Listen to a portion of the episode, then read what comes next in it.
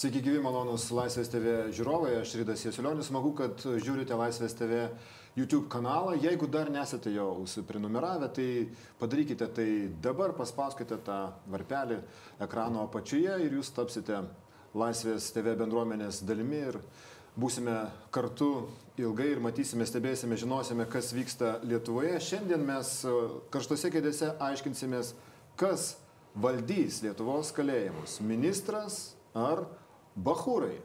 Neramumai Lietuvos pataisos namuose tęsiasi, vis daugiau nuteistųjų šimtai jų atsisako valstybės tiekiamo nemokamai jiems maisto. Šiandien Vilniuje prie Teisingumo ministerijos įvyko palaikančiųjų piketas su reikalavimais švelninti ministro naujai paskirtą kalėjimų vidaus tvarką.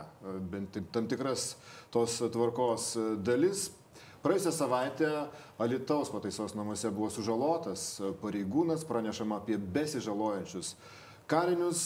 Mūsų e, laidos svečias Teisingumo ministras Elvinas Jankievičius, sveiki gyvi, ponė ministrė. Labą vakarą.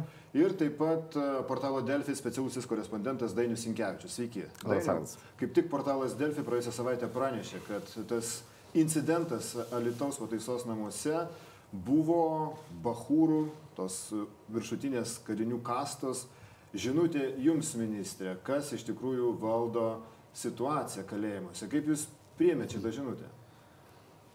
Na, dar kartą labą vakarą. Smagu būti šitoje draugijoje, bet sakyčiau taip, kad vis tiek kalėjimams vadovauja kalėjimo departamentas ir įstaigų vadovai. Tikrai ne ministras, tikrai ne ministras. Kalbant bet apie situaciją. už situaciją galų galiai jūs. Ne, gerai, bet aš turiu minėti už vidaus tvarką ir, ir bendrą situaciją. Tikrai kalėjimų nevaldo kalintis asmenys ir situacija yra pilnumoj kontroliuojama. Tas, kas įvyko Lietuvoje, reikia tiesiog pataisyti, tai pareigūnai ne tai, kad buvo užpulti, kai jie vykdė ar ten prižiūrėjo, nusikaltėliai ir kalintis asmenys buvo patalpinti į specialias drausmės būrės už tam tikro lygio prasižengimus. Tie prasižengimai buvo pakankamai rimti ir tose kamerose jie dar elgėsi ne pagal vidaus tvarkos taisyklės. Todėl pareigūnai bandėjo sutramdyti ir tramdymo metu įvyko grumtynės ir, ir vienas pareigūnas buvo sužalotas. Tokia yra situacija, bet negalima teikti, kad jie buvo iš pasalų kažkur užpulti, kartais susidaro toks įspūdis. Bet sužalotas pareigūnas ne kasdienė situacija. Ne, ne kasdienė situacija, mes vertinam tokią situaciją rimtai, bet reikia pasakyti, kad kiekvieno pareigūno darbas yra tikrai labai atsakingas, gerbtinas ir jie dažnai susiduria su įvairiais pavojais ir ne tik kalėjimo sistemoje, bet, bet ir policijos, pasieniečiai ir visi kiti pareigūnai. Galim būtų pasakyti, kad tas konfliktas buvo kalinių išprovokuotas.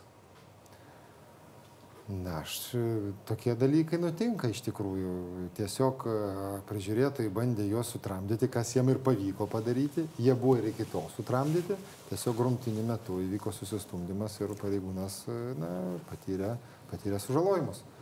Dainiau iš pradžių Delfi tekste net buvo žodis perpjauta, kaklas perpjautas ar ne, vėliau tiesiog sužalotas. Kaip jums atrodo šitas incidentas? Situacija yra pakankamai rimta ir baisi. Visų pirma, vien dėl to, kad tas incidentas įvyko tuo metu, kada pataisos namuose lankėsi viceministras Teisingumo ir kalėjimų departamento atsakingi asmenys. Tai turbūt neatsitiktinai dėl to būtent tuo metu visas tos grumtynės įvyko, o pats sužalojimas, nu, tarsi, apstai man akivaizdžiai parodo, kad nu, nuteistiesiems yra visiškai nusispjauti jūs, tuos pareigūnus, kurie tenais dirba. Jeigu jie sugeba pasiruošti žankšto apsipilti kažkodėl tai aliejumi, tai reiškia, tai nebuvo spontaniškas veiksmas. Ir va, tie pareigūnai, kurie su manim kalbėjo, jie būtent ir pasakė, kad dėl ko tas visas tas dalykas, tai buvo žinutė ministrui, dėja taip yra, ir kad Bahūrai pasakė, tiems, tie, tie nuteistieji yra žemesnės kastos, kurie ten buvo tam uždaryti. Ir būtent jiems buvo nurodyta, kad... Jie atliko tiesiog jiems užduotį. nurodytą užduotį, išprovokavo konfliktą ir net sužalojo sužalojo pareigūną. Kas toliau dabar, na, ministrė? Na, matot, mes tikrai neskirstam žmonės į kastas. Uh, Ir taip teikti, kad ten buvo specialiai ruoštasi mūsų Teisingumo ministerijos nuomonė ir kalėjimo departamentų nuomonė. Taip, Teisingumo ministerijos darbuotojai vaikščiojo tuo metu, apžiūrinėjo, kaip paisoma vidaus tvarkos taisyklių. Na ir kyla toks maištas, kadangi jie protestavo prieš... panaudotas. Tai jie, Jie išsitepė Aš aliejumi. Taip jau detaliai tų tiksliai tikrai nežinau, bet e, kiek turiu informacijos, aliej- aliejus buvo, tai jie galėjo tą nusipirkti ir tiesiog na, protestuodami prieš vidaus tvarką, jie, jie apsipylė aliejumi rankas.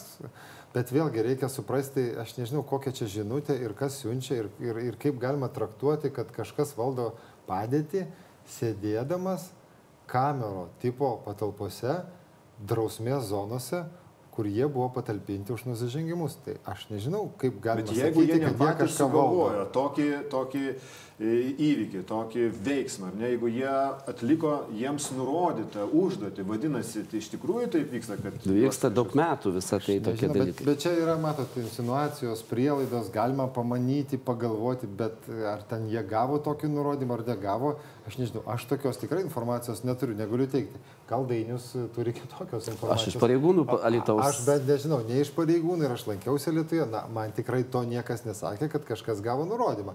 Man pasakojo, kad tai buvo spontaniškas veiksmas, tiesiog kaliniai, na, norėdami, protestuodami prieš jiem nepatinkančias taisyklės, na, elgesi, sakykime, nemandagiai ir ne pagal tvarkos vidaus taisyklės ir viskas. Ir tuo metu pareigūnas buvo pareigūnai yra užpultas, net panaudotas buvo kažkoks įrankis. ten medinis kažkoks, aš nežinau, ar, ar tuo įrankiu kažkas apibraižė, ar ne, tikrai peilio jokio nebuvo, bet reikia suprasti, kad ne tai, kad užpuolė, bet pareigūnai atlikdami savo veiksmus atrakino tą kamerą, ten man atrodo buvo trys nuteistieji ir juos išskirstė ir atliko savo pareigą. Savo, Pareigūnas ligoniniai.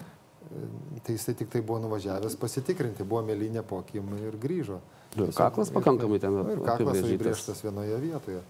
Taip, bet, bet kad, kaip jūs sakote, užpultas pareigūnas vykdė savo pareigą, tramdė nuteistai ir bandė juos pervesti į kitas kameras, taip ir padarė. Tai man tiesiog nu, kyla klausimas, kaip galima taip sakyti, kad kažkas valdo kalėjimus, kažkokias žinutės siunčia, jie pasielgė nederamai ir jie buvo sutramdyti. Sutramdymas truko kokią pusantros minutės. Ir tai bus visada.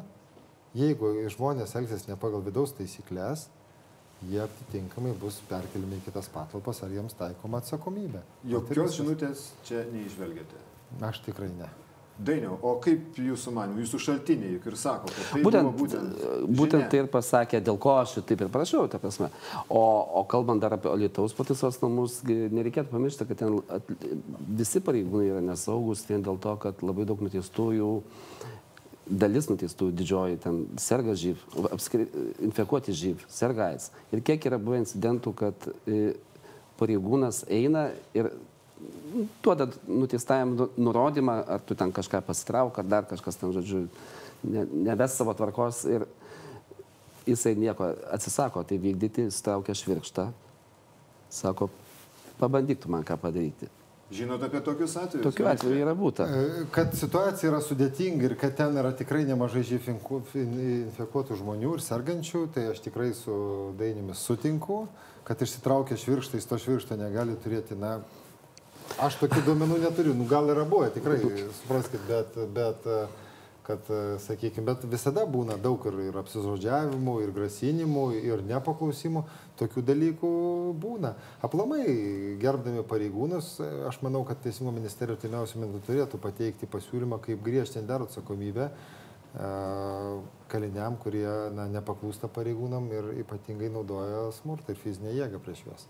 Ir artimiausiu metu aš manau, kad mes pasiruošime ir pateiksime tokį pasiūlymą. Bet šiuo metu mes susidurėm su situacija, kai plečiasi tas, nežinau, maištas, kaip jūs pavadintumėte, kaliniai, šimtais kalinių atsisako valgyti, vat, jiems tiekiamą maistą e, ir atrodo, kad jų vis daugiau.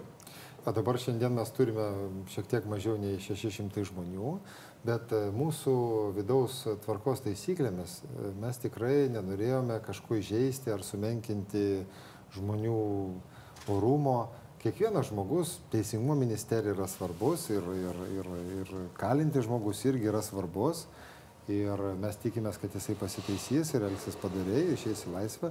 Na, mūsų taisyklės, naujos taisyklės kalba apie būtent taip. Galėčiau apie jas ir plačiau papasakoti, nes e, tikrai nuo pat pradžių mes pasakėme, kad betvarkė kalėjimuose turi baigtis. Ir e, darėme daug patikrinimų, kratų. Ir tikrai pastebėjome labai daug e, raugo. Jie svaiginasi, pasigamina patys tą raugą, svaiginasi, tampa paskui agresyvus, neprognozuojami ir įvyksta labai daug visiems nereikalingų incidentų. Kaliniai, kaliniam taip pat, juk kai kuriam tikrai nesmagu, kai, kai jie yra nesaugus, kai, kai jie tarpusėje turi konfliktų, tai tas raugas tik tai padidina tikimybę tokių konfliktų. Na, tada nustatėme, kaip, kaip, iš kur kodėl kiekvieną kartą, kai patikrinimas vyksta, visada yra talpos su tuo raugu. Tai jie gali dabar prieš mūsų įsakymą nueiti į parduotuvę, nusipirkti didelės talpos indą su tam tikrais dalykais, ar ten majonezu, ar vaisių, ar daržovėmis, ar milteliais, maisto papildais turiuomenį ir juose jie nusipirkę daržovių gaminasi raugo. A, tai šita situacija yra netoleruotina ir mes norime, kad jie taip nesielgtų. Ir todėl mes ribojame dabar vaisių ir daržovių kiekį, nes iš jų jie būtent gaminasi ir auga. Bet reikia pasakyti, kad čia yra papildomas apsipirkimas, visą maistą jie gauna valgyklai. Ir matot, bet čia yra sugriešinimas. Bet mes e, kalbam apie daugelis ir kitų dalykų. Mes norime, kad kaliniai elgtųsi tinkamai, nes mūsų nauji pateikti projektai tiek vyriausybėje, tiek jie paskui bus pateikiami ir Seimui, kalbam būtent apie tai, kad kalinių skaičius Lietuvoje yra gerokai per didelis Todėl reikia taikinti stipresnį liktinio paleidimo institutą, alternatyves bausmes ir taip toliau. Čia turbūt tai tos vidaus taisyklės. metų procesas. Nebūtinai, tos vidaus taisyklės yra būtent ir apie tai, kad, kad reikia elgtis gerai, neturėti nuobodų, tuomet išeiti į laisvę bus didesnė taikomybė. Mes ruošiamės tai gyvendinti jau kitais metais. Dainiau, kaip jums reikės, iš tai ministro dabar įvedama e, tvarka e, pataisų sistemoje, pataisos e, namų mm. sistemoje įstaigų. Ar e, tikrai užkirs kelią alkoholiui štai tokie nurodymai, kad negalima įsi, įs, įs, nusipirkti kažko didesnėme inde? Šiaip labai jokinga man iš vienos pusės paėmus, nes puodą nuteistasis gali turėti ir įsivirti ten, tarkim, aš nežinau ką, sribos, ne? Tai jisai, jūs paėmėte iš jų tuos metalinius indus, jie vis tiek galės, jeigu labai norės, jie pasigamins. O, o vaisių kiekis mažinamas, tai čia, nu, neišeitis, aš manau, nes, na, kiek prieš tai buvo kilogramų? Dabar padarė 2. Jūs, taip, dabar padarė 2 kg per, per vieną. Vien, kiti, vieni nuteistėjai sako, kad per savaitę. Jūs sakėt, kad lyg taip du kartus du per savaitę galima užsipirkti, bet štai nuteistėjai teigia, kad jie vieną kartą vedami per savaitę ir, ir viso labo gali tik nusipirkti 2 kg agurkų, pomidorų, bulvių ir 2 kg vaisių įvairiausių. Tai aš nežinau. Jie nori sveikai gyventi, sakė, piketuotojai tarkim, priešais ministeriją šiandien. Gerai, paaiškinsiu, mielai paaiškinsiu. Iš tikrųjų, pirmiausia, viską gali gauti valgyklo nemokamai. Bet čia mes kalbame, ir šitą jau sakiau pradžioje, apie papildomą apsivirkimą prie pavalgymo valgykloje. Tai dabar pravieniškėse apsipirkimų skaičius jie pasiruošė iš anksto, nes mes, ne ministrų įsakymų, mes tikrai neribojam apsipirkimų skaičių, mes BVK yra parašyta, kad nema, įstaiga turi organizuoti pirkimus ne mažiau kaip vieną kartą per savaitę. Tai jie gali organizuoti ir daugiau kartų. Tai praviniškas gerokai, gerai pasiruošia, jie gali ten jau dabar ir buvo prieš kurį laiką galima apsipirkti du kartus. Alitus šią savaitę sortuoja su dviem kartais, jau šiandieną, man atrodo, yra pakeista dienotvarkė kalinių ir jie gali apsipirkti du kartus, kaip Bartai taip pat su Marijampolė, kadangi tai yra didžiausia įstaiga, jie šiek tiek vėluoja, ir bet antrą apsipirkimą žada įvesti ar savaitės pabaigoje, ar kitos savaitės pradžioje. Tai tikrai apsipirkti galima du kartus. Ar tikrai nenukentės tie kaliniai, kurie tiesiog nori daugiau vaisių ir daržovių, o tas alkoholis jiems visiškai neįdomus? Na matot, statistinis lietuvis yra tokia statistika per savaitę suvalgo 1,5 4 kg, tai yra aišku per mažai, bet, bet, bet vidutiniškai taip. Pasaulinio sveikatos organizacijos rekomendacijos yra 400 gramų per dieną ir vaisių ir daržovių. Tai kas, kas atrodytų 2,8 kg per savaitę. Tai apsiperkant du kartus, galima nusipirkti 4 kg. Jeigu jie patys gaminasi, sekundę, tai tu 4 kg kopūsto iš jo pasigamini ir lieka tik tai pusė kg. Galima nusipirkti 4 kg, plus dar galima nueiti į valgyklą ir ten irgi yra ir vaisių šiek tiek, ir daržovių, ir sudarytos valgiaraštis pagal na, rekomendacijas. Piketuotojai sakė, kad e, jūs turėtumėt kažkaip uh, tikslinti tas, tas naujas tvarkas. Pavyzdžiui, iš svagūnų vienas sakė, nepasigamins jokios blogos. Žinot, neturiu informacijos, ar tikrai iš svagūnų pasigaminsi ar nepasigaminsi, bet aš nemanau, kad kažkas valgytų kilogramai svagūnus. Todėl, matot, tikrai turi būti tvarka kalinimo įstaigose ir kaliniai turi elgtis padoriai ir mes to siekime, ypatingai todėl, kad tikimės, kad jie pasitaisys ir išeis į laisvę greičiau. Nu, nebus taip kaip anksčiau, kad nevaldomai ir toliau gamintus ir svaigintus. Dainiu, kaip Jums reagėsi? Ar protestas prieš naują tvarką yra protestas dėl to, kad e, iš tikrųjų trūksta kaliniams dabar e, galimybių nusipirkti tų vaisių ir daržovių? Ar tai vis dėlto yra protestuojama dėl to, kad jie nebegalės tos, tos, e, to raugo gamintis? Čia turbūt reikėtų žiūrėti iš abiejų pusių, nes tarkim yra nuteistųjų, kuriems tas, tas raugas yra visiškai neaktualus, jie kaip, tarkim, gyveno, jisai ten pirkosi, gaminosi, ką norėjo ir dabar va, dėl kažkokių tai kitų nuteistųjų turi, turi kentėti. Sriubai tikrai reikia daug svagūnų, kad pasigamintum. Tu turi nusipirkti mažiausiai kilogramą. Spėčiau. Nu, tarkim, jo, bet. Nežinau, ar taip bet, gaminasi, bet kiek, kiek, kiek, nu, kolegos, kiek jūs suvalgot vaisių ir daržovių per savaitę? Ar suvalgot daugiau nei 4 Tikrai kilogramus? daug mažiau negu nusiperkam jų prieš gamindami tą maistą. Nu, ar, tikrai, ar tikrai 4 kg yra nepakankamas, plus dar maistas valgykloje? Bet Dainiu, turbūt reikėtų būti, žiūrėti, kad... aš, aš manau, kad reikėtų žiūrėti, kad e, to, dėl to raugo, tarkim, mane jūs sako, čia uždrausit, jūs padarykite taip, kad pareigūnai dirbtų ir jie to raugo negalėtų pagaminti, kad ir nusipirkdami, kad ir 10 kg tų vaisių. O dabar, vat, kadangi ne, nepavyksta užkirsti kelio gamybai, tai visą laiką, žodžiu, kas kada norėjo ten gamino, pareigūnas ateina į valandą arba į dvi vieną kartą, pasižiūri, viskas ramu, ar neramu. Taip pat ir dėl išėjau. kitų svaigalų mes e, žinom pranešimą apie tai, kaip arkliai atneša jiems tuos įvairius svaigalus, narkotikus, pavyzdžiui. Bet būtent narkotikai yra svarbesnė problema, kurie gali e, įmeti ir viskas. Ar daiktus draudžiamus, ar, ar jūs lygiai taip pat norite tvarką padaryti, kad nebūtų tų arklių vadinamųjų kurie e, Taip. gali patekti į zoną ir atneša draudžiamus daiktus. Taip, mėly kolegos, ėmėmės raugo, ėmėmės ir narkotinių medžiagų. Kratų metu buvo tikrai rasta nemažai narkotikų ir konfiskuota. Tad dirba dar ir kriminalinė žvalgyba šiuo klausimu ir manau, kad ateityje mes pamatysim ir pasisakysime ir šitais klausimais. Dainiau, iš principo, šnekant, ar gali būti taip, kad štai tokia subkultūra e, klėstėtų su visais tais papročiais, e, su alkoholio vartojimu, e, pataisos įstaigose be tam tikro dalyvavimo pareigūnų ar kitų asmenų, kurie, kurie kažkokiu būdu vis dėlto sudaro sąlygas tam. Akivaizdu, kad būtent jeigu ne pareigūnų, tarkim, ir nuolaidžiavimas, nenoras kištis į, visus, į tuos visus reikalus, nes pats pareigūnas bi, irgi, irgi bijo, jis žmogus, yra jam pagrasinama ne tik tai zonoje, pasako, kad mes turime žmonės laisvėje, su tavo šeima gali būti sudarota.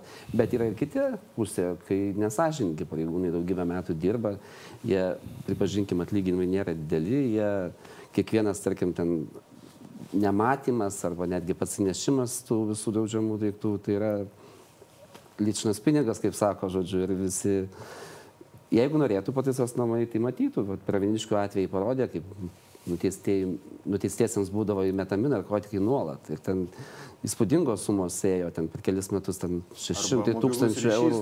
Ne, ne, tai dabar taip, vat, uždrausta, kai jūs čia paskelbėte paskelbė vado akciją, žodžiu, uždraudė nutiesiesiems skambinti kaip tokia, ir, tokia prevencinė priemonė, žodžiu, kad laikinai, kol, kol jie čia nustos vadauti. Bet vat, skambina nuteistieji iš savo mobiliųjų telefonų, sėdėdami netgi kamerinio tipo kamerose, tai va čia, žinot, galim keisti, daryti ten tas tvarkas, bet Bet jeigu neranda... Aš, aš, pasakysiu, aš pasakysiu, pirmiausia, dėl pareigūnų, tai aš kol neturiu tvirtų įrodymų, tol aš tikrai negaliu sakyti, kad jie yra nesažiningi.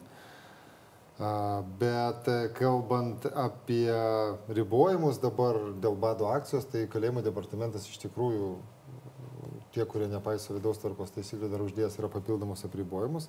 Aš nežinau, dainiau, kas skambina, bet šiaip nuteistasis, e, šiaip nuteistasis turi teisę skambinti. Bet aš mačiau, kad jisai yra oficialūs, kaip čia telefono automatai vadinasi, jis užsiregistruoja, jisai gali skambinti, nėra taip. Dabar uždrausta įsakymu neleidžia atskambinti, kol tie, nežinau, kurie vadauja. O, o tie, kurie sėdi, ką, nu, tai aš dabar jums pasakysiu vardą pavardę. Ne, ne, tai Galiu duoti susisiekti. Pasakyti, ar, ar, tas, tas visą laiką skambino ministrė, visą laiką. mobilų telefonas, e, mobi, taip, konfiskuojamės ir, ir mobilių telefonų. Ta problema, tiesą pasakius, egzistuoja visame pasaulyje.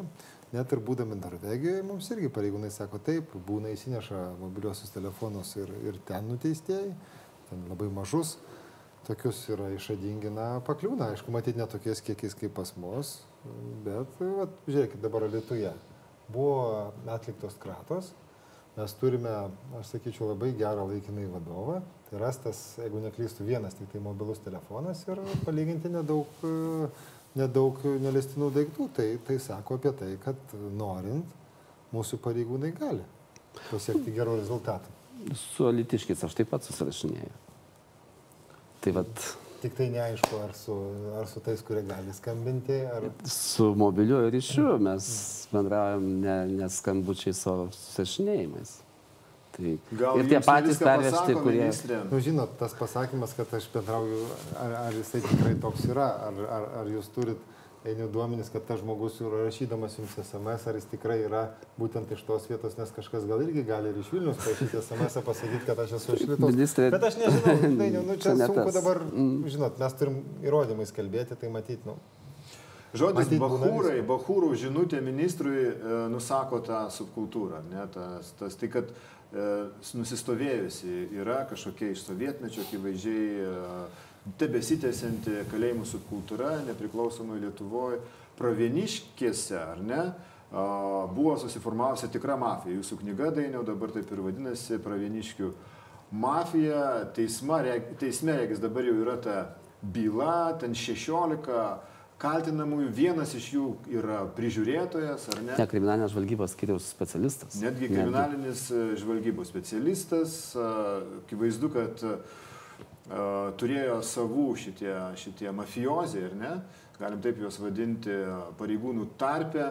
Ir e, jum, kaip jums regisi, ministrė, ar šitos pat pastangos jūsų, kreipiant dėmesį į daržovės vaisius, ar padės tą subkultūrą kažkaip išnaikinti? Na, vaisiai ir daržovės nepadės, vaisiai ir daržovės e, padarys taip, kad e, mažiau naudos raugo ir nesigamins jie tiesiog ir elgsis kultūringiau, nes kai, kai prisigeria, paskui būna ir nuobodas, kurių niekam nereikia, nei kaliniam, nei mums, mes norime, kad tikrai elgtųsi normaliai. Na, o bet kiti veiksmai naikina subkultūrą. Kamero tipo patalpos naikina subkultūrą, mes intensyviai jas darome ir savo lėšomis, ir šiais metais jų nemažai rengsime, apie 200 vietų. Norvegai prisidės didelėmis lėšomis. Taip pat e, tų pavojingų kriminalinių nusikaltelių izoliavimas ir perkelimas į kitas vietas, nes mes irgi tą darome dabar intensyviai. Jeigu, mes, jeigu kalėjimo administracija pastebi, kad e, kalintis asmuo bando išnaudoti kitus, žeminti, liepti jam tarnauti, tas asmuo yra perkeliamas e, ir izoliuojamas. Ir tas dabar nulatos vyksta, vat, nesen- neseniai apie 50 žmonių buvo izoliuoti ir perkelti. Tai mes tikrai vėmėmės ir kalėjimo departamentas labai aktyvų veiksmų. Įtampa tikrai jaučiasi, nes darbas yra ypatingai sunkus, reikalaujantis daug atsakomybės, nervų, visko tame darbe pasitaiko. Ir jūs matote, mes na, matome nuteistųjų nepasitenkinimą. Dainiau, ar tas nepasitenkinimas gali reikšti, kad iš tikrųjų jau a, a, naujos tvarkos kalėjimuose jiems ne, nemalonios tiems bakūrams? Kad naujos tvarkos nemalonios buvo aišku nuo pat pradžių, kai prasidėjo tie visi sujudimai, nes ir įvesti buvo viešo saugumo tarnybos pareigūnai, kurie jau lik ir tokią tvarką pa- pa- pademonstruoja jėgą, kad tarkim, jeigu jūs čia, žodžiu, savo toliau vesite tas, tas taisyklės, tai, žodžiu, mes jūs pastatysim į vietą. Bet, nu, perkelė, kiek dabar iš viso perkelta? Porą, trys šimtai iš visų į tas kamerinio tipo tas kameras, bet, bet kaip tie patys nuteistieji, tarkim, perkelti į elitų, jie sako, pasižiūrėkit mūsų dosie, pas mus nėra jokių nuobaudų per tiek metų. Tai jeigu jie buvo tokie probleminiai, tokie blogi, tai kodėl nebuvo prižiūrėtojai, tarkim, tai nefiksuodavo tų nuobaudų. O dabar va, daugelis net nežino, dėl ko jie buvo perkelti.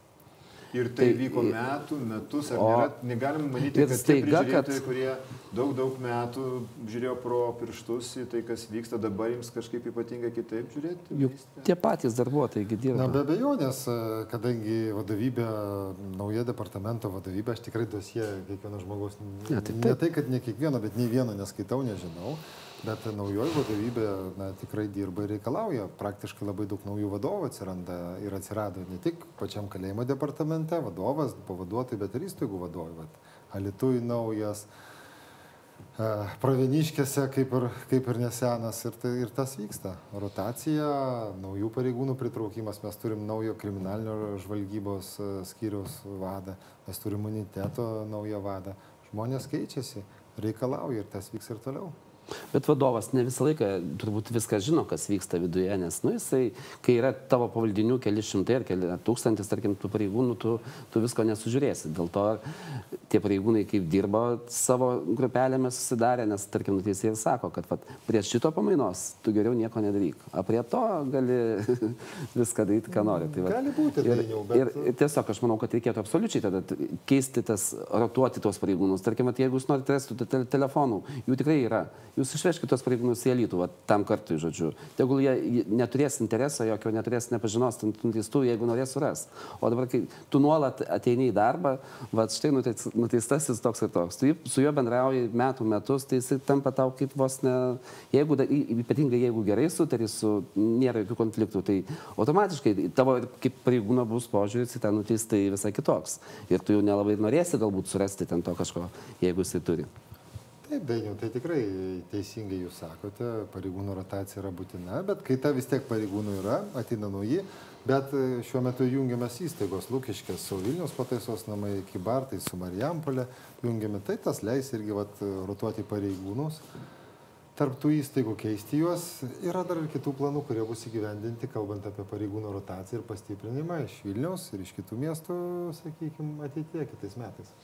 Ta subkultūra iš esmės reiškia, kad uh, kaliniai, kurie kažkokiu būdu uh, išsikovoja viršienybę, ne, jie išnaudoja tuos uh, pavaldžius savo kitus kalinius? Toje byloje, regis, yra net ir nužudimas. Kartais jie ir nužudo, kad pagrasintų kitus galbūt, ar ne? Tokiu, būdžiu, sa- tokiu būdu savo valdžią demonstruoja, rodo. Ir grįžtam vėl prie praėjusios savaitės e, įvykio Alitaus pataisos namuose. Ten, e, pagal dainiau jūsų informaciją, ar ne, vis dėlto tie žemesnės kastos kaliniai atliko jiems paskirtą užduotį. Vadinasi, ten irgi tie subkultūros ryšiai tebe, tebe vyksta, tebe galioja. Tai šiaip jeigu taip atvirai kalbant, Lietuvoje buvo visą laiką blogiau negu, tarkim, netgi praviniškėse, kai tas situacija ir vyko tie baisūs dalykai praviniškėse, tai kas vyko Lietuvoje, niekas to ne, ne, nefiksavo ir mm, nebandė tirti, nors iš tikrųjų, jeigu paėmus, gali kiekvienuose pataisos namuose, man atrodo, surasti ten tas gaujas, kurios yra susibūrusios į kažkokius tai ratelius ir jie tas taisyklės daugiau mažiau yra įsivedę, tarkim, ir tos pačios praviniškės, baigėsi vieni, bet iš karto atsiranda kiti, nes tie žmonės, kurie vadovaus būtent tam sektoriui, yra nusprendžiama iš laisvės, tie organizuoti, organizuotų gaujų lyderiai, ta prasme, net neatslėpė, tarkim, praviniškų vadovas, net pats tai pasakė. Ir man dar, žinot, kas labai nustebino, va, čia vienas nuteistasis, kur, kuris atlikinėjo būsime praviniškėse, jisai yra toj byloje nukentėjusiu pripažintas, jisai papasakojo, kaip atvažiavo į praviniškas pirmą kartą jį uždarė į karantiną ir karantinė kabojo toksai kaip ir įsakymas direktoriaus ar kažkoks nutarimas, žodžiu, kuriame paaiškina, žodžiu, kas yra subkultūra, kurioje vietoje, jeigu tu esi, laik, esi iš tų, tai tu eik, turėtum eiti tenais, jeigu tu laik, priklausai gaujams, turėtum eiti vėl tenais. Instrukcija tokia. Tokia instrukcija. Oficiali, Tai aš dabar nežinau, ar, ar iki šiol kavo, ar ne, na, nes praviniškas visą laiką neigdavo absoliučiai, kad ten nėra jokios subkultūros ir niekas jos nesilaiko. Na be abejo, mes negalime pasakyti, kad jau taip šimta procentų išnaikinama subkultūra, matyti kažkokia forma vis tiek subkultūra egzistuoja ir ne tik Lietuvoje, bet ir visame pasaulyje. Aplamai žmonės taip yra sutverti, kad bet kokiose grupėse jie išsirenka savo kažkokį vieną kitą vadovą. Bet e, na, kalėjimuose subkultūra neturi būti toleruojama ir mes pasisakome kategoriškai prieš kitų kalinių žeminimą, engimą ir išnaudojimą. Advokatas vieno iš tų teisiamųjų, Simonas Slapšinskas, sako, politikai ir pareigūnai žinojo apie kalinų subkultūrą pataisos namuose. Ten e, pats brandolys tos mafijos, ar ne, ilgom bausmėm nuteistieji žmonės. Ten po sunkus nusikaltimai. Taip, taip, nu, tarkim, gal mažiausia būdavo 7, bet kiti ten 14, 15, tarkim, už nužudimus, ten tie, tas patys sunkiausia, didelis kiekis narkotikų. Ir mes kaip visuomenė liktai na, uždarome ilgesniam laikui sunku nusikaltelį tam, kad jisai per tą ilgesnį laiką pasikeistų, pasitaisytų, o sukūrėm dar didesnį tokį, nežinau, nusikaltimų gaminimo instrumentą, mechanizmą. Kaip iš to ištrūkti, ministrė? Jo, tikrai labai ilgas procesas ir tikrai dalis tiesos tame yra, ką jūs sakote, bet čia reikia keisti visą sistemą, čia reikia didelių investicijų, ką mes ir po truputėlį, po truputėlį darom. Pirmiausiai, gerinti sąlygas, kamero tipo patalpos, tada prižiūrėtojų kvalifikacija, imti skandinavišką Norvegijos modelį. Po truputį užuomasgos pas mus Lietuvoje irgi atsiradusios, yra taikoma dinaminė priežiūra, kai pareigūnas jau pažįsta asmeniškai kalinti asmenį, su juo bendrauju ir taip toliau. Nes gražiuoju tikrai galima pasiekti daugiau nei, nei prievarta. Ir tai mes padarysime. Aš nesakau, kad aš tą, bet, bet sakykime, mūsų valstybė, mūsų politikai, mūsų kalėjimo departamento vadovybės ilguoju laikotarpiu įgyvendins. Tai padarys, mes einame labai teisingą kryptim. Na, tarkim, Lietuvoje atsirado jau pusiaukelės namų institutas, kur žmonės atlikę tam tikrą dalį bausmės jau už gerą elgesį perkeliami į pusiaukelės namus, tai tie pusiaukelės namai jau yra anapus tvarom, yra ruošiami, jau gali net ir dirbti, jie gali trumpam išeiti, yra praktiškai jau tokia pusiau, pusiau laisvi tikrovė žmonės. dabar viena- yra kitokia. Lietuva, mes turbūt galėsim pasižiūrėti e, lentelę. Lietuva pagal nuteistųjų skaičių šimtui tūkstančių gyventojų yra pirmoji Europos Pri, Sąjunga. taip, grina teisybė. Daugiausiai turime Labai nuteistųjų. bloga statistika, tai būti negali, mes pateikėm visą, visą paketą įstatymų pakeitimo, artimiausiu metu svarstysim vyriausybėje. Dabar jau suderinam su įvairiausiam institucijom, jos pateikė tam tikrų pastabų, taisom, koreguojam, leidžiam į vyriausybę, paskui į Seimą. Jeigu paimtų, pavyktų įgyvendinti pilnumoje, mūsų specialistai prognozuoja, bet tai yra prognozė, kad 20 procentų mes galėtumėm sumažinti kalinčių asmenų skaičių Lietuvoje. Per kiek čia laiko, ministrė? Štai dabar mes esame Aš iš- nenorėčiau išsivysčiusių prognozuoti. valstybių po, po Junktinio Amerikos valstijų, po Izraelio ir po Turkijos iš karto Lietuva. Vadinasi, mes esam tokio, tokio krimin, Labai kriminalinio, žodžiu, kultūros tokios šalis esame. Jūs savo turite kokį nors užsikėlęs užduotį? Labai blogai, bet tikrai turime, kad kiekvienais metais nuteistųjų skaičius turi, nuteistųjų skaičius kiekvienais metais turi mažėti. Turime dabar kiek tiksliai ir kada mūsų, pirmiausia, žiūrint, koks įstatymo projektas pasieks Seimą ir kokį Seimą priims, tai labai priklauso. Paskui dar priklauso, kaip teismai taikės, kaip viskas vyks, kokia bus praktika, bet, na, man sunku pasakyti tikslaus procentą ir per kiek laiko. Bet bet kokiu atveju mažėjimo, mažėjimo. Taip pat mes ruošiamės įrengti daugiau pusiaukelės namų. Nes mes ir šiandien turime žmonių, kurie jau atliko didelę dalį bausmės ir kuriuos mes kaip ir galėtume perkelti į pusiaukelės namus. Jie turėtų tikrai... Ir tuomet jau valstybė jo neišlaiko, jisai pigiau kainuoja, jis pats eina dirbti, maitinasi. E, ne, pusiaukelės namuose ne, bet mes kalbame tame įstatymo pakete ir apie alternatyves bausmės, kad būtų galima skirti, kad teismas galėtų skirti nebūtinai kalinimą, o būtent kitą institutą, areštas namuose, su, su, su apykoje, viešieji darbai, daug tokių įvairių naujovių. Nes kartais teismas tiesiog, na, neturi, žinokit, nuo tam tikrų bausmių, jisai neturi alternatyvos. Nors galbūt teisėjas turi kitokį nuomonę, bet jis nieko negali padaryti, nes yra numatyta tik laisvės atimų bausmė. Jis taip ir daro. Bet šitas paketas reikia tam tikras veiklas dekriminalizuoti. Bet šitas įstatymų paketas irgi ruošiamas ir po naujų metų pasieks. Dainiu, kaip jums reikiasi štai tokia situacija? Mažiau nusikaltelių kalėjimuose ar saugesnė būsim visuomenė? Dėl saugumo tai abejoju, nes mes kalbam vien pagal nuteistuosius, esam pirmoje vietoje, bet ne visi nuteistieji pakliūna į kalėjimą.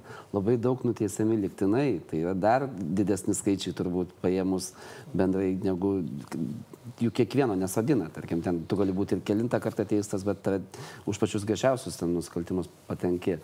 O, o tie visi pusiaukelės namai, tai yra, žinoma, tai yra reikalinga, tai yra svarbu, bet tai yra tik liečia nedidelę dalį nuteistųjų, nes, nes yra, didžioji, yra didelė dalis tų, kuriems visiškai neaktualu tavo ten tie siūlymai eiti į visokias programas, jie tiesiog nusiteikę ateiti į kalėjimą, atlikti savo bausmę, su savo visą hebrą pagyventi ten, žodžiu, kaip ir gyvendavo ir, ir gyvena iki šiol. Ir smagiai pagyventi, ir savo tai matom į, į baliai, narkotikai, viskas. Tai vad, gerbėmiai, vad mūsų vidaus taisyklės tvarkos visą ir kalba apie tai, kad toks smagus gyvenimas nebebus, reikia elgtis gerai. Bet tikrai yra daug kalinių, kurie nori pasitaisyti ir jiem tie pusiaukelės namai ir, ir antros galimybės suteikimas bus labai reikalingas. Mes net pastebėjome, yra tokia statistika, kad tie žmonės, kurie atlieka bausmę pilnumoji, nėra paleidžiami anksčiau, nėra perkeliami kalėjimo į, į pusiaukelės namus, nėra probuojami, jų procentas grįžta, didesnis procentas grįžta atgal. Bet tie žmonės, su kuriais yra dirbama, pusiaukelės namuose, ar jie yra probuojami, prižiūrimi probacijos pareigūnų, jų procentas grįžimas, grįžimo atgal yra mažesnis. Bet tai labai maži skaičiai. Pataisykit mane, jeigu aš klystu, ministrė, bet maždaug pareigūnų tenka vienas pareigūnas dviem nuteistiesiems. Labai Lietuvoje. panašiai, tai kalinių apie šešis. Ar negalėtų iš tikrųjų su visais tais nuteistaisiais labai asmeniškai ir dirbti sistemą, jeigu čia yra vienas pareigūnas dviems nuteistiesiems, man atrodo, kad čia daug Čia daug pajėgų turite. Čia tame tarpe yra aišku ir, ir medicinos personalas, ir, ir, ir, ir finansininkai ir taip toliau. Tai va, taip, personalo yra nemažai. Bet personalo, tiesą pasakius, ir, ir Skandinavijos šalyse santykis yra panašus. Teisybė pasakius. Tik tiesiog reikia, reikia keisti, reikia keisti požiūrį, reikia daug mokytis, ir, bet pirmiausiai turim susitvarkyti viduje. Kaip tvarkysitės viduje sistemos? Kalintis asmenys turi norėti ir nepaisyti vidaus tvarkos taisyklių. O mes kita vertus, kai paisys vidaus tvarkos taisyklės, neturės na, tokių priemonių, kurių negalima turėti, ne, nesielgs agresyviai, paklaus pareigūnam, pareigūnai irgi keisis. Ir yra numatytos ir mokymo programos, yra ir Norvegijos projektas, ir svarbiausia žinia pareigūnam yra ta, kad kitais metais didėja jų darbo užmokestis. Didėja daugiau nei 14 procentų. Bet žiūrėkit, dar vis tiek, pareigūnams atlyginimai padidės, bet nuteistiesiems tai turi būti kažkoks užimtumas. Nu, mes nuvažiavom prie Miškės pasižiūrėti, kaip ten viskas vyksta. Sėdė visi išėję laukia prie soliukų, ten, žodžiu, jeigu savo štangas pakilnoja, tai ir viskas, daugiau nieko. Jiem niekas nieko nepasiūlo, tai yra nuteistieji, kurie sako, viešai sako, aš čia jau prašiau, duokit man ten kažkokios, kažko užsiimti, kažkokios veiklos. Nėra. Nėra. Ir tai visi kalba iš visų pataisos namų, ne, ne tik iš vienų. Ne visi tai, teistėjai nori dirbti, tai nu, ne visi, dalis iš tikrųjų tiesiog atsisako ir nieko nenori daryti. Nebūtinai dirbti, bet tiesiog kažkokios veiklos. Nu, duokit šaškiam pažaisti, kaip ten turnyrai pas jūs vyksta. Taip, Dabar, kai tie badauja, tai apskritai jiems viskas uždrausta, jie negali. Yra stadionai, pavyzdžiui, Praveniškės e, nusipirko iš tikrųjų ženkliai daugiau, mano žiniomis, tų šaškių, šachmatų. Tai kuomet baigs badauti, tai matyti tikrai įsijungs į aktyves veiklas veiklas. Bet e, čia yra irgi, irgi mūsų matai, mes turim tokią valstybės įmonę mūsų matai, kurie užsima nuteistų įdarbinimu. Šiai dienai ta koncepcija, sakykime, yra netokia, kokios norėtųsi. Turim vėlgi naują vadovą.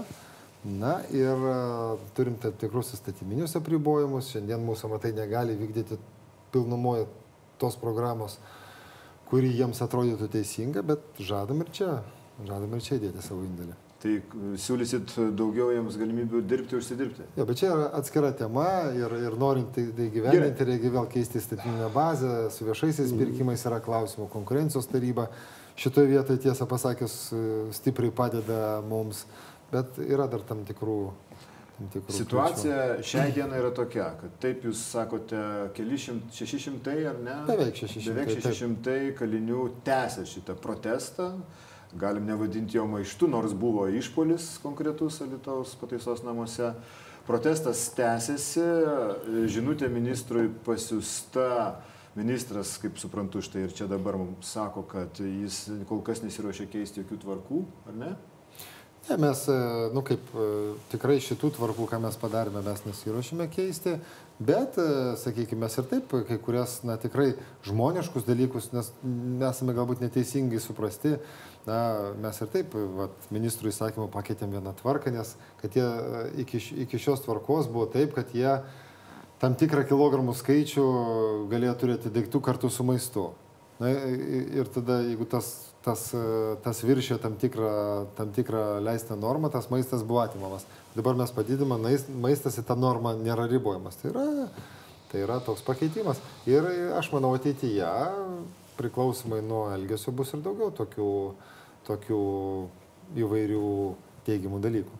Akivaizdu, šiaip norėčiau pasakyti, kad prieš priimant tas visas taisyklės, tarkim, yra ir geros, ir blogos, čia ne, ne, ne, nežiūrėkime tai, mm. bet galbūt reikėtų pasikalbėti su tais visais, tai yra ten nuteistųjų organizacijų ir ten tų pačių nuteistųjų, kurie sutinka, aptarkite, susidėliokite, gal man atrodo, tuos visus dalykus, nes, nes jums atrodo vienaip, jiems atrodo kitaip ir galbūt tada bendrą tokį sprendimą. Dainiu, Aišku, nereikia nulaidžiauti jiems, nes, nu, tai prasme, vis tiek. Kaip tai yra nes... šaltiniai dabar šitoje situacijoje, ką indikuoja, ar tęsis šitas pasipriešinimas? e, protestas ar... ar jo, prieš ateinant aš kaip tik kalbėjausi, žodžiu, sakė, tęsim, žiūrėsim. Ir, ir sako, kad ministras lyg tai duolaidžiaus šiek tiek. Bet jie tikisi iš kažkur, aš nežinau, prie piketė jūs kažką jiems ten pažadėjote šiandien, man taip sako. E, faktas tas, kad, e, kad dėl, dėl, to įsakymo, tai dėl tų pagrindinių dalykų tikrai nuolaidų nebus. Bet Čia teisinga pastaba, Dainiu. Aš tikrai sakau, kad reikia didesnio kontakto su kalinių organizacijomis. Čia jūs pritarėm. Ir na, jeigu bus kažkokių konkrečių normalių siūlymų, kur mes galime pagerinti bendrą darbą, kodėlgi ne? Kodėlgi ne? Mes visada esame atviri pasiūlymams iš tikrųjų. Taip, mes iš tikrųjų kaip visuomenė norėtumėm, kad pataisos įstaigos iš tikrųjų būtų vieta, kur prasikaltę, prasižengę, paklydę, suklydę žmonės gali pasitaisyti ir grįžti atgal į visuomenę. Mums, mums reikia jų kiekvieno toliau čia laisvėje, integruo, integruo, besintegruojančio. Mm. O kol kas mes turime sistemą, kuri panašesnė į atskirą visiškai imperiją, jeigu ne mafiją, kaip Dainiaus Sinkevičiaus knygos antraštė skelbė. Dėkui Jums už pokalbį, dėkui Teisingumo ministrui Elvinui Jankievičiui, dėkui ir Delfio portalo LT, portalo Delfio LT specialiam korespondentui Dainiui Sinkevičiui. Ačiū Jums malonus žiūrovai, kad esate su Laisvės TV YouTube kanalu. Jeigu dar neužsiprinavote, užsiprenumeruokite jį, spūstelėję varpelį ekrano pačioje ir pamatysite visas, visas mūsų laidas. Iki.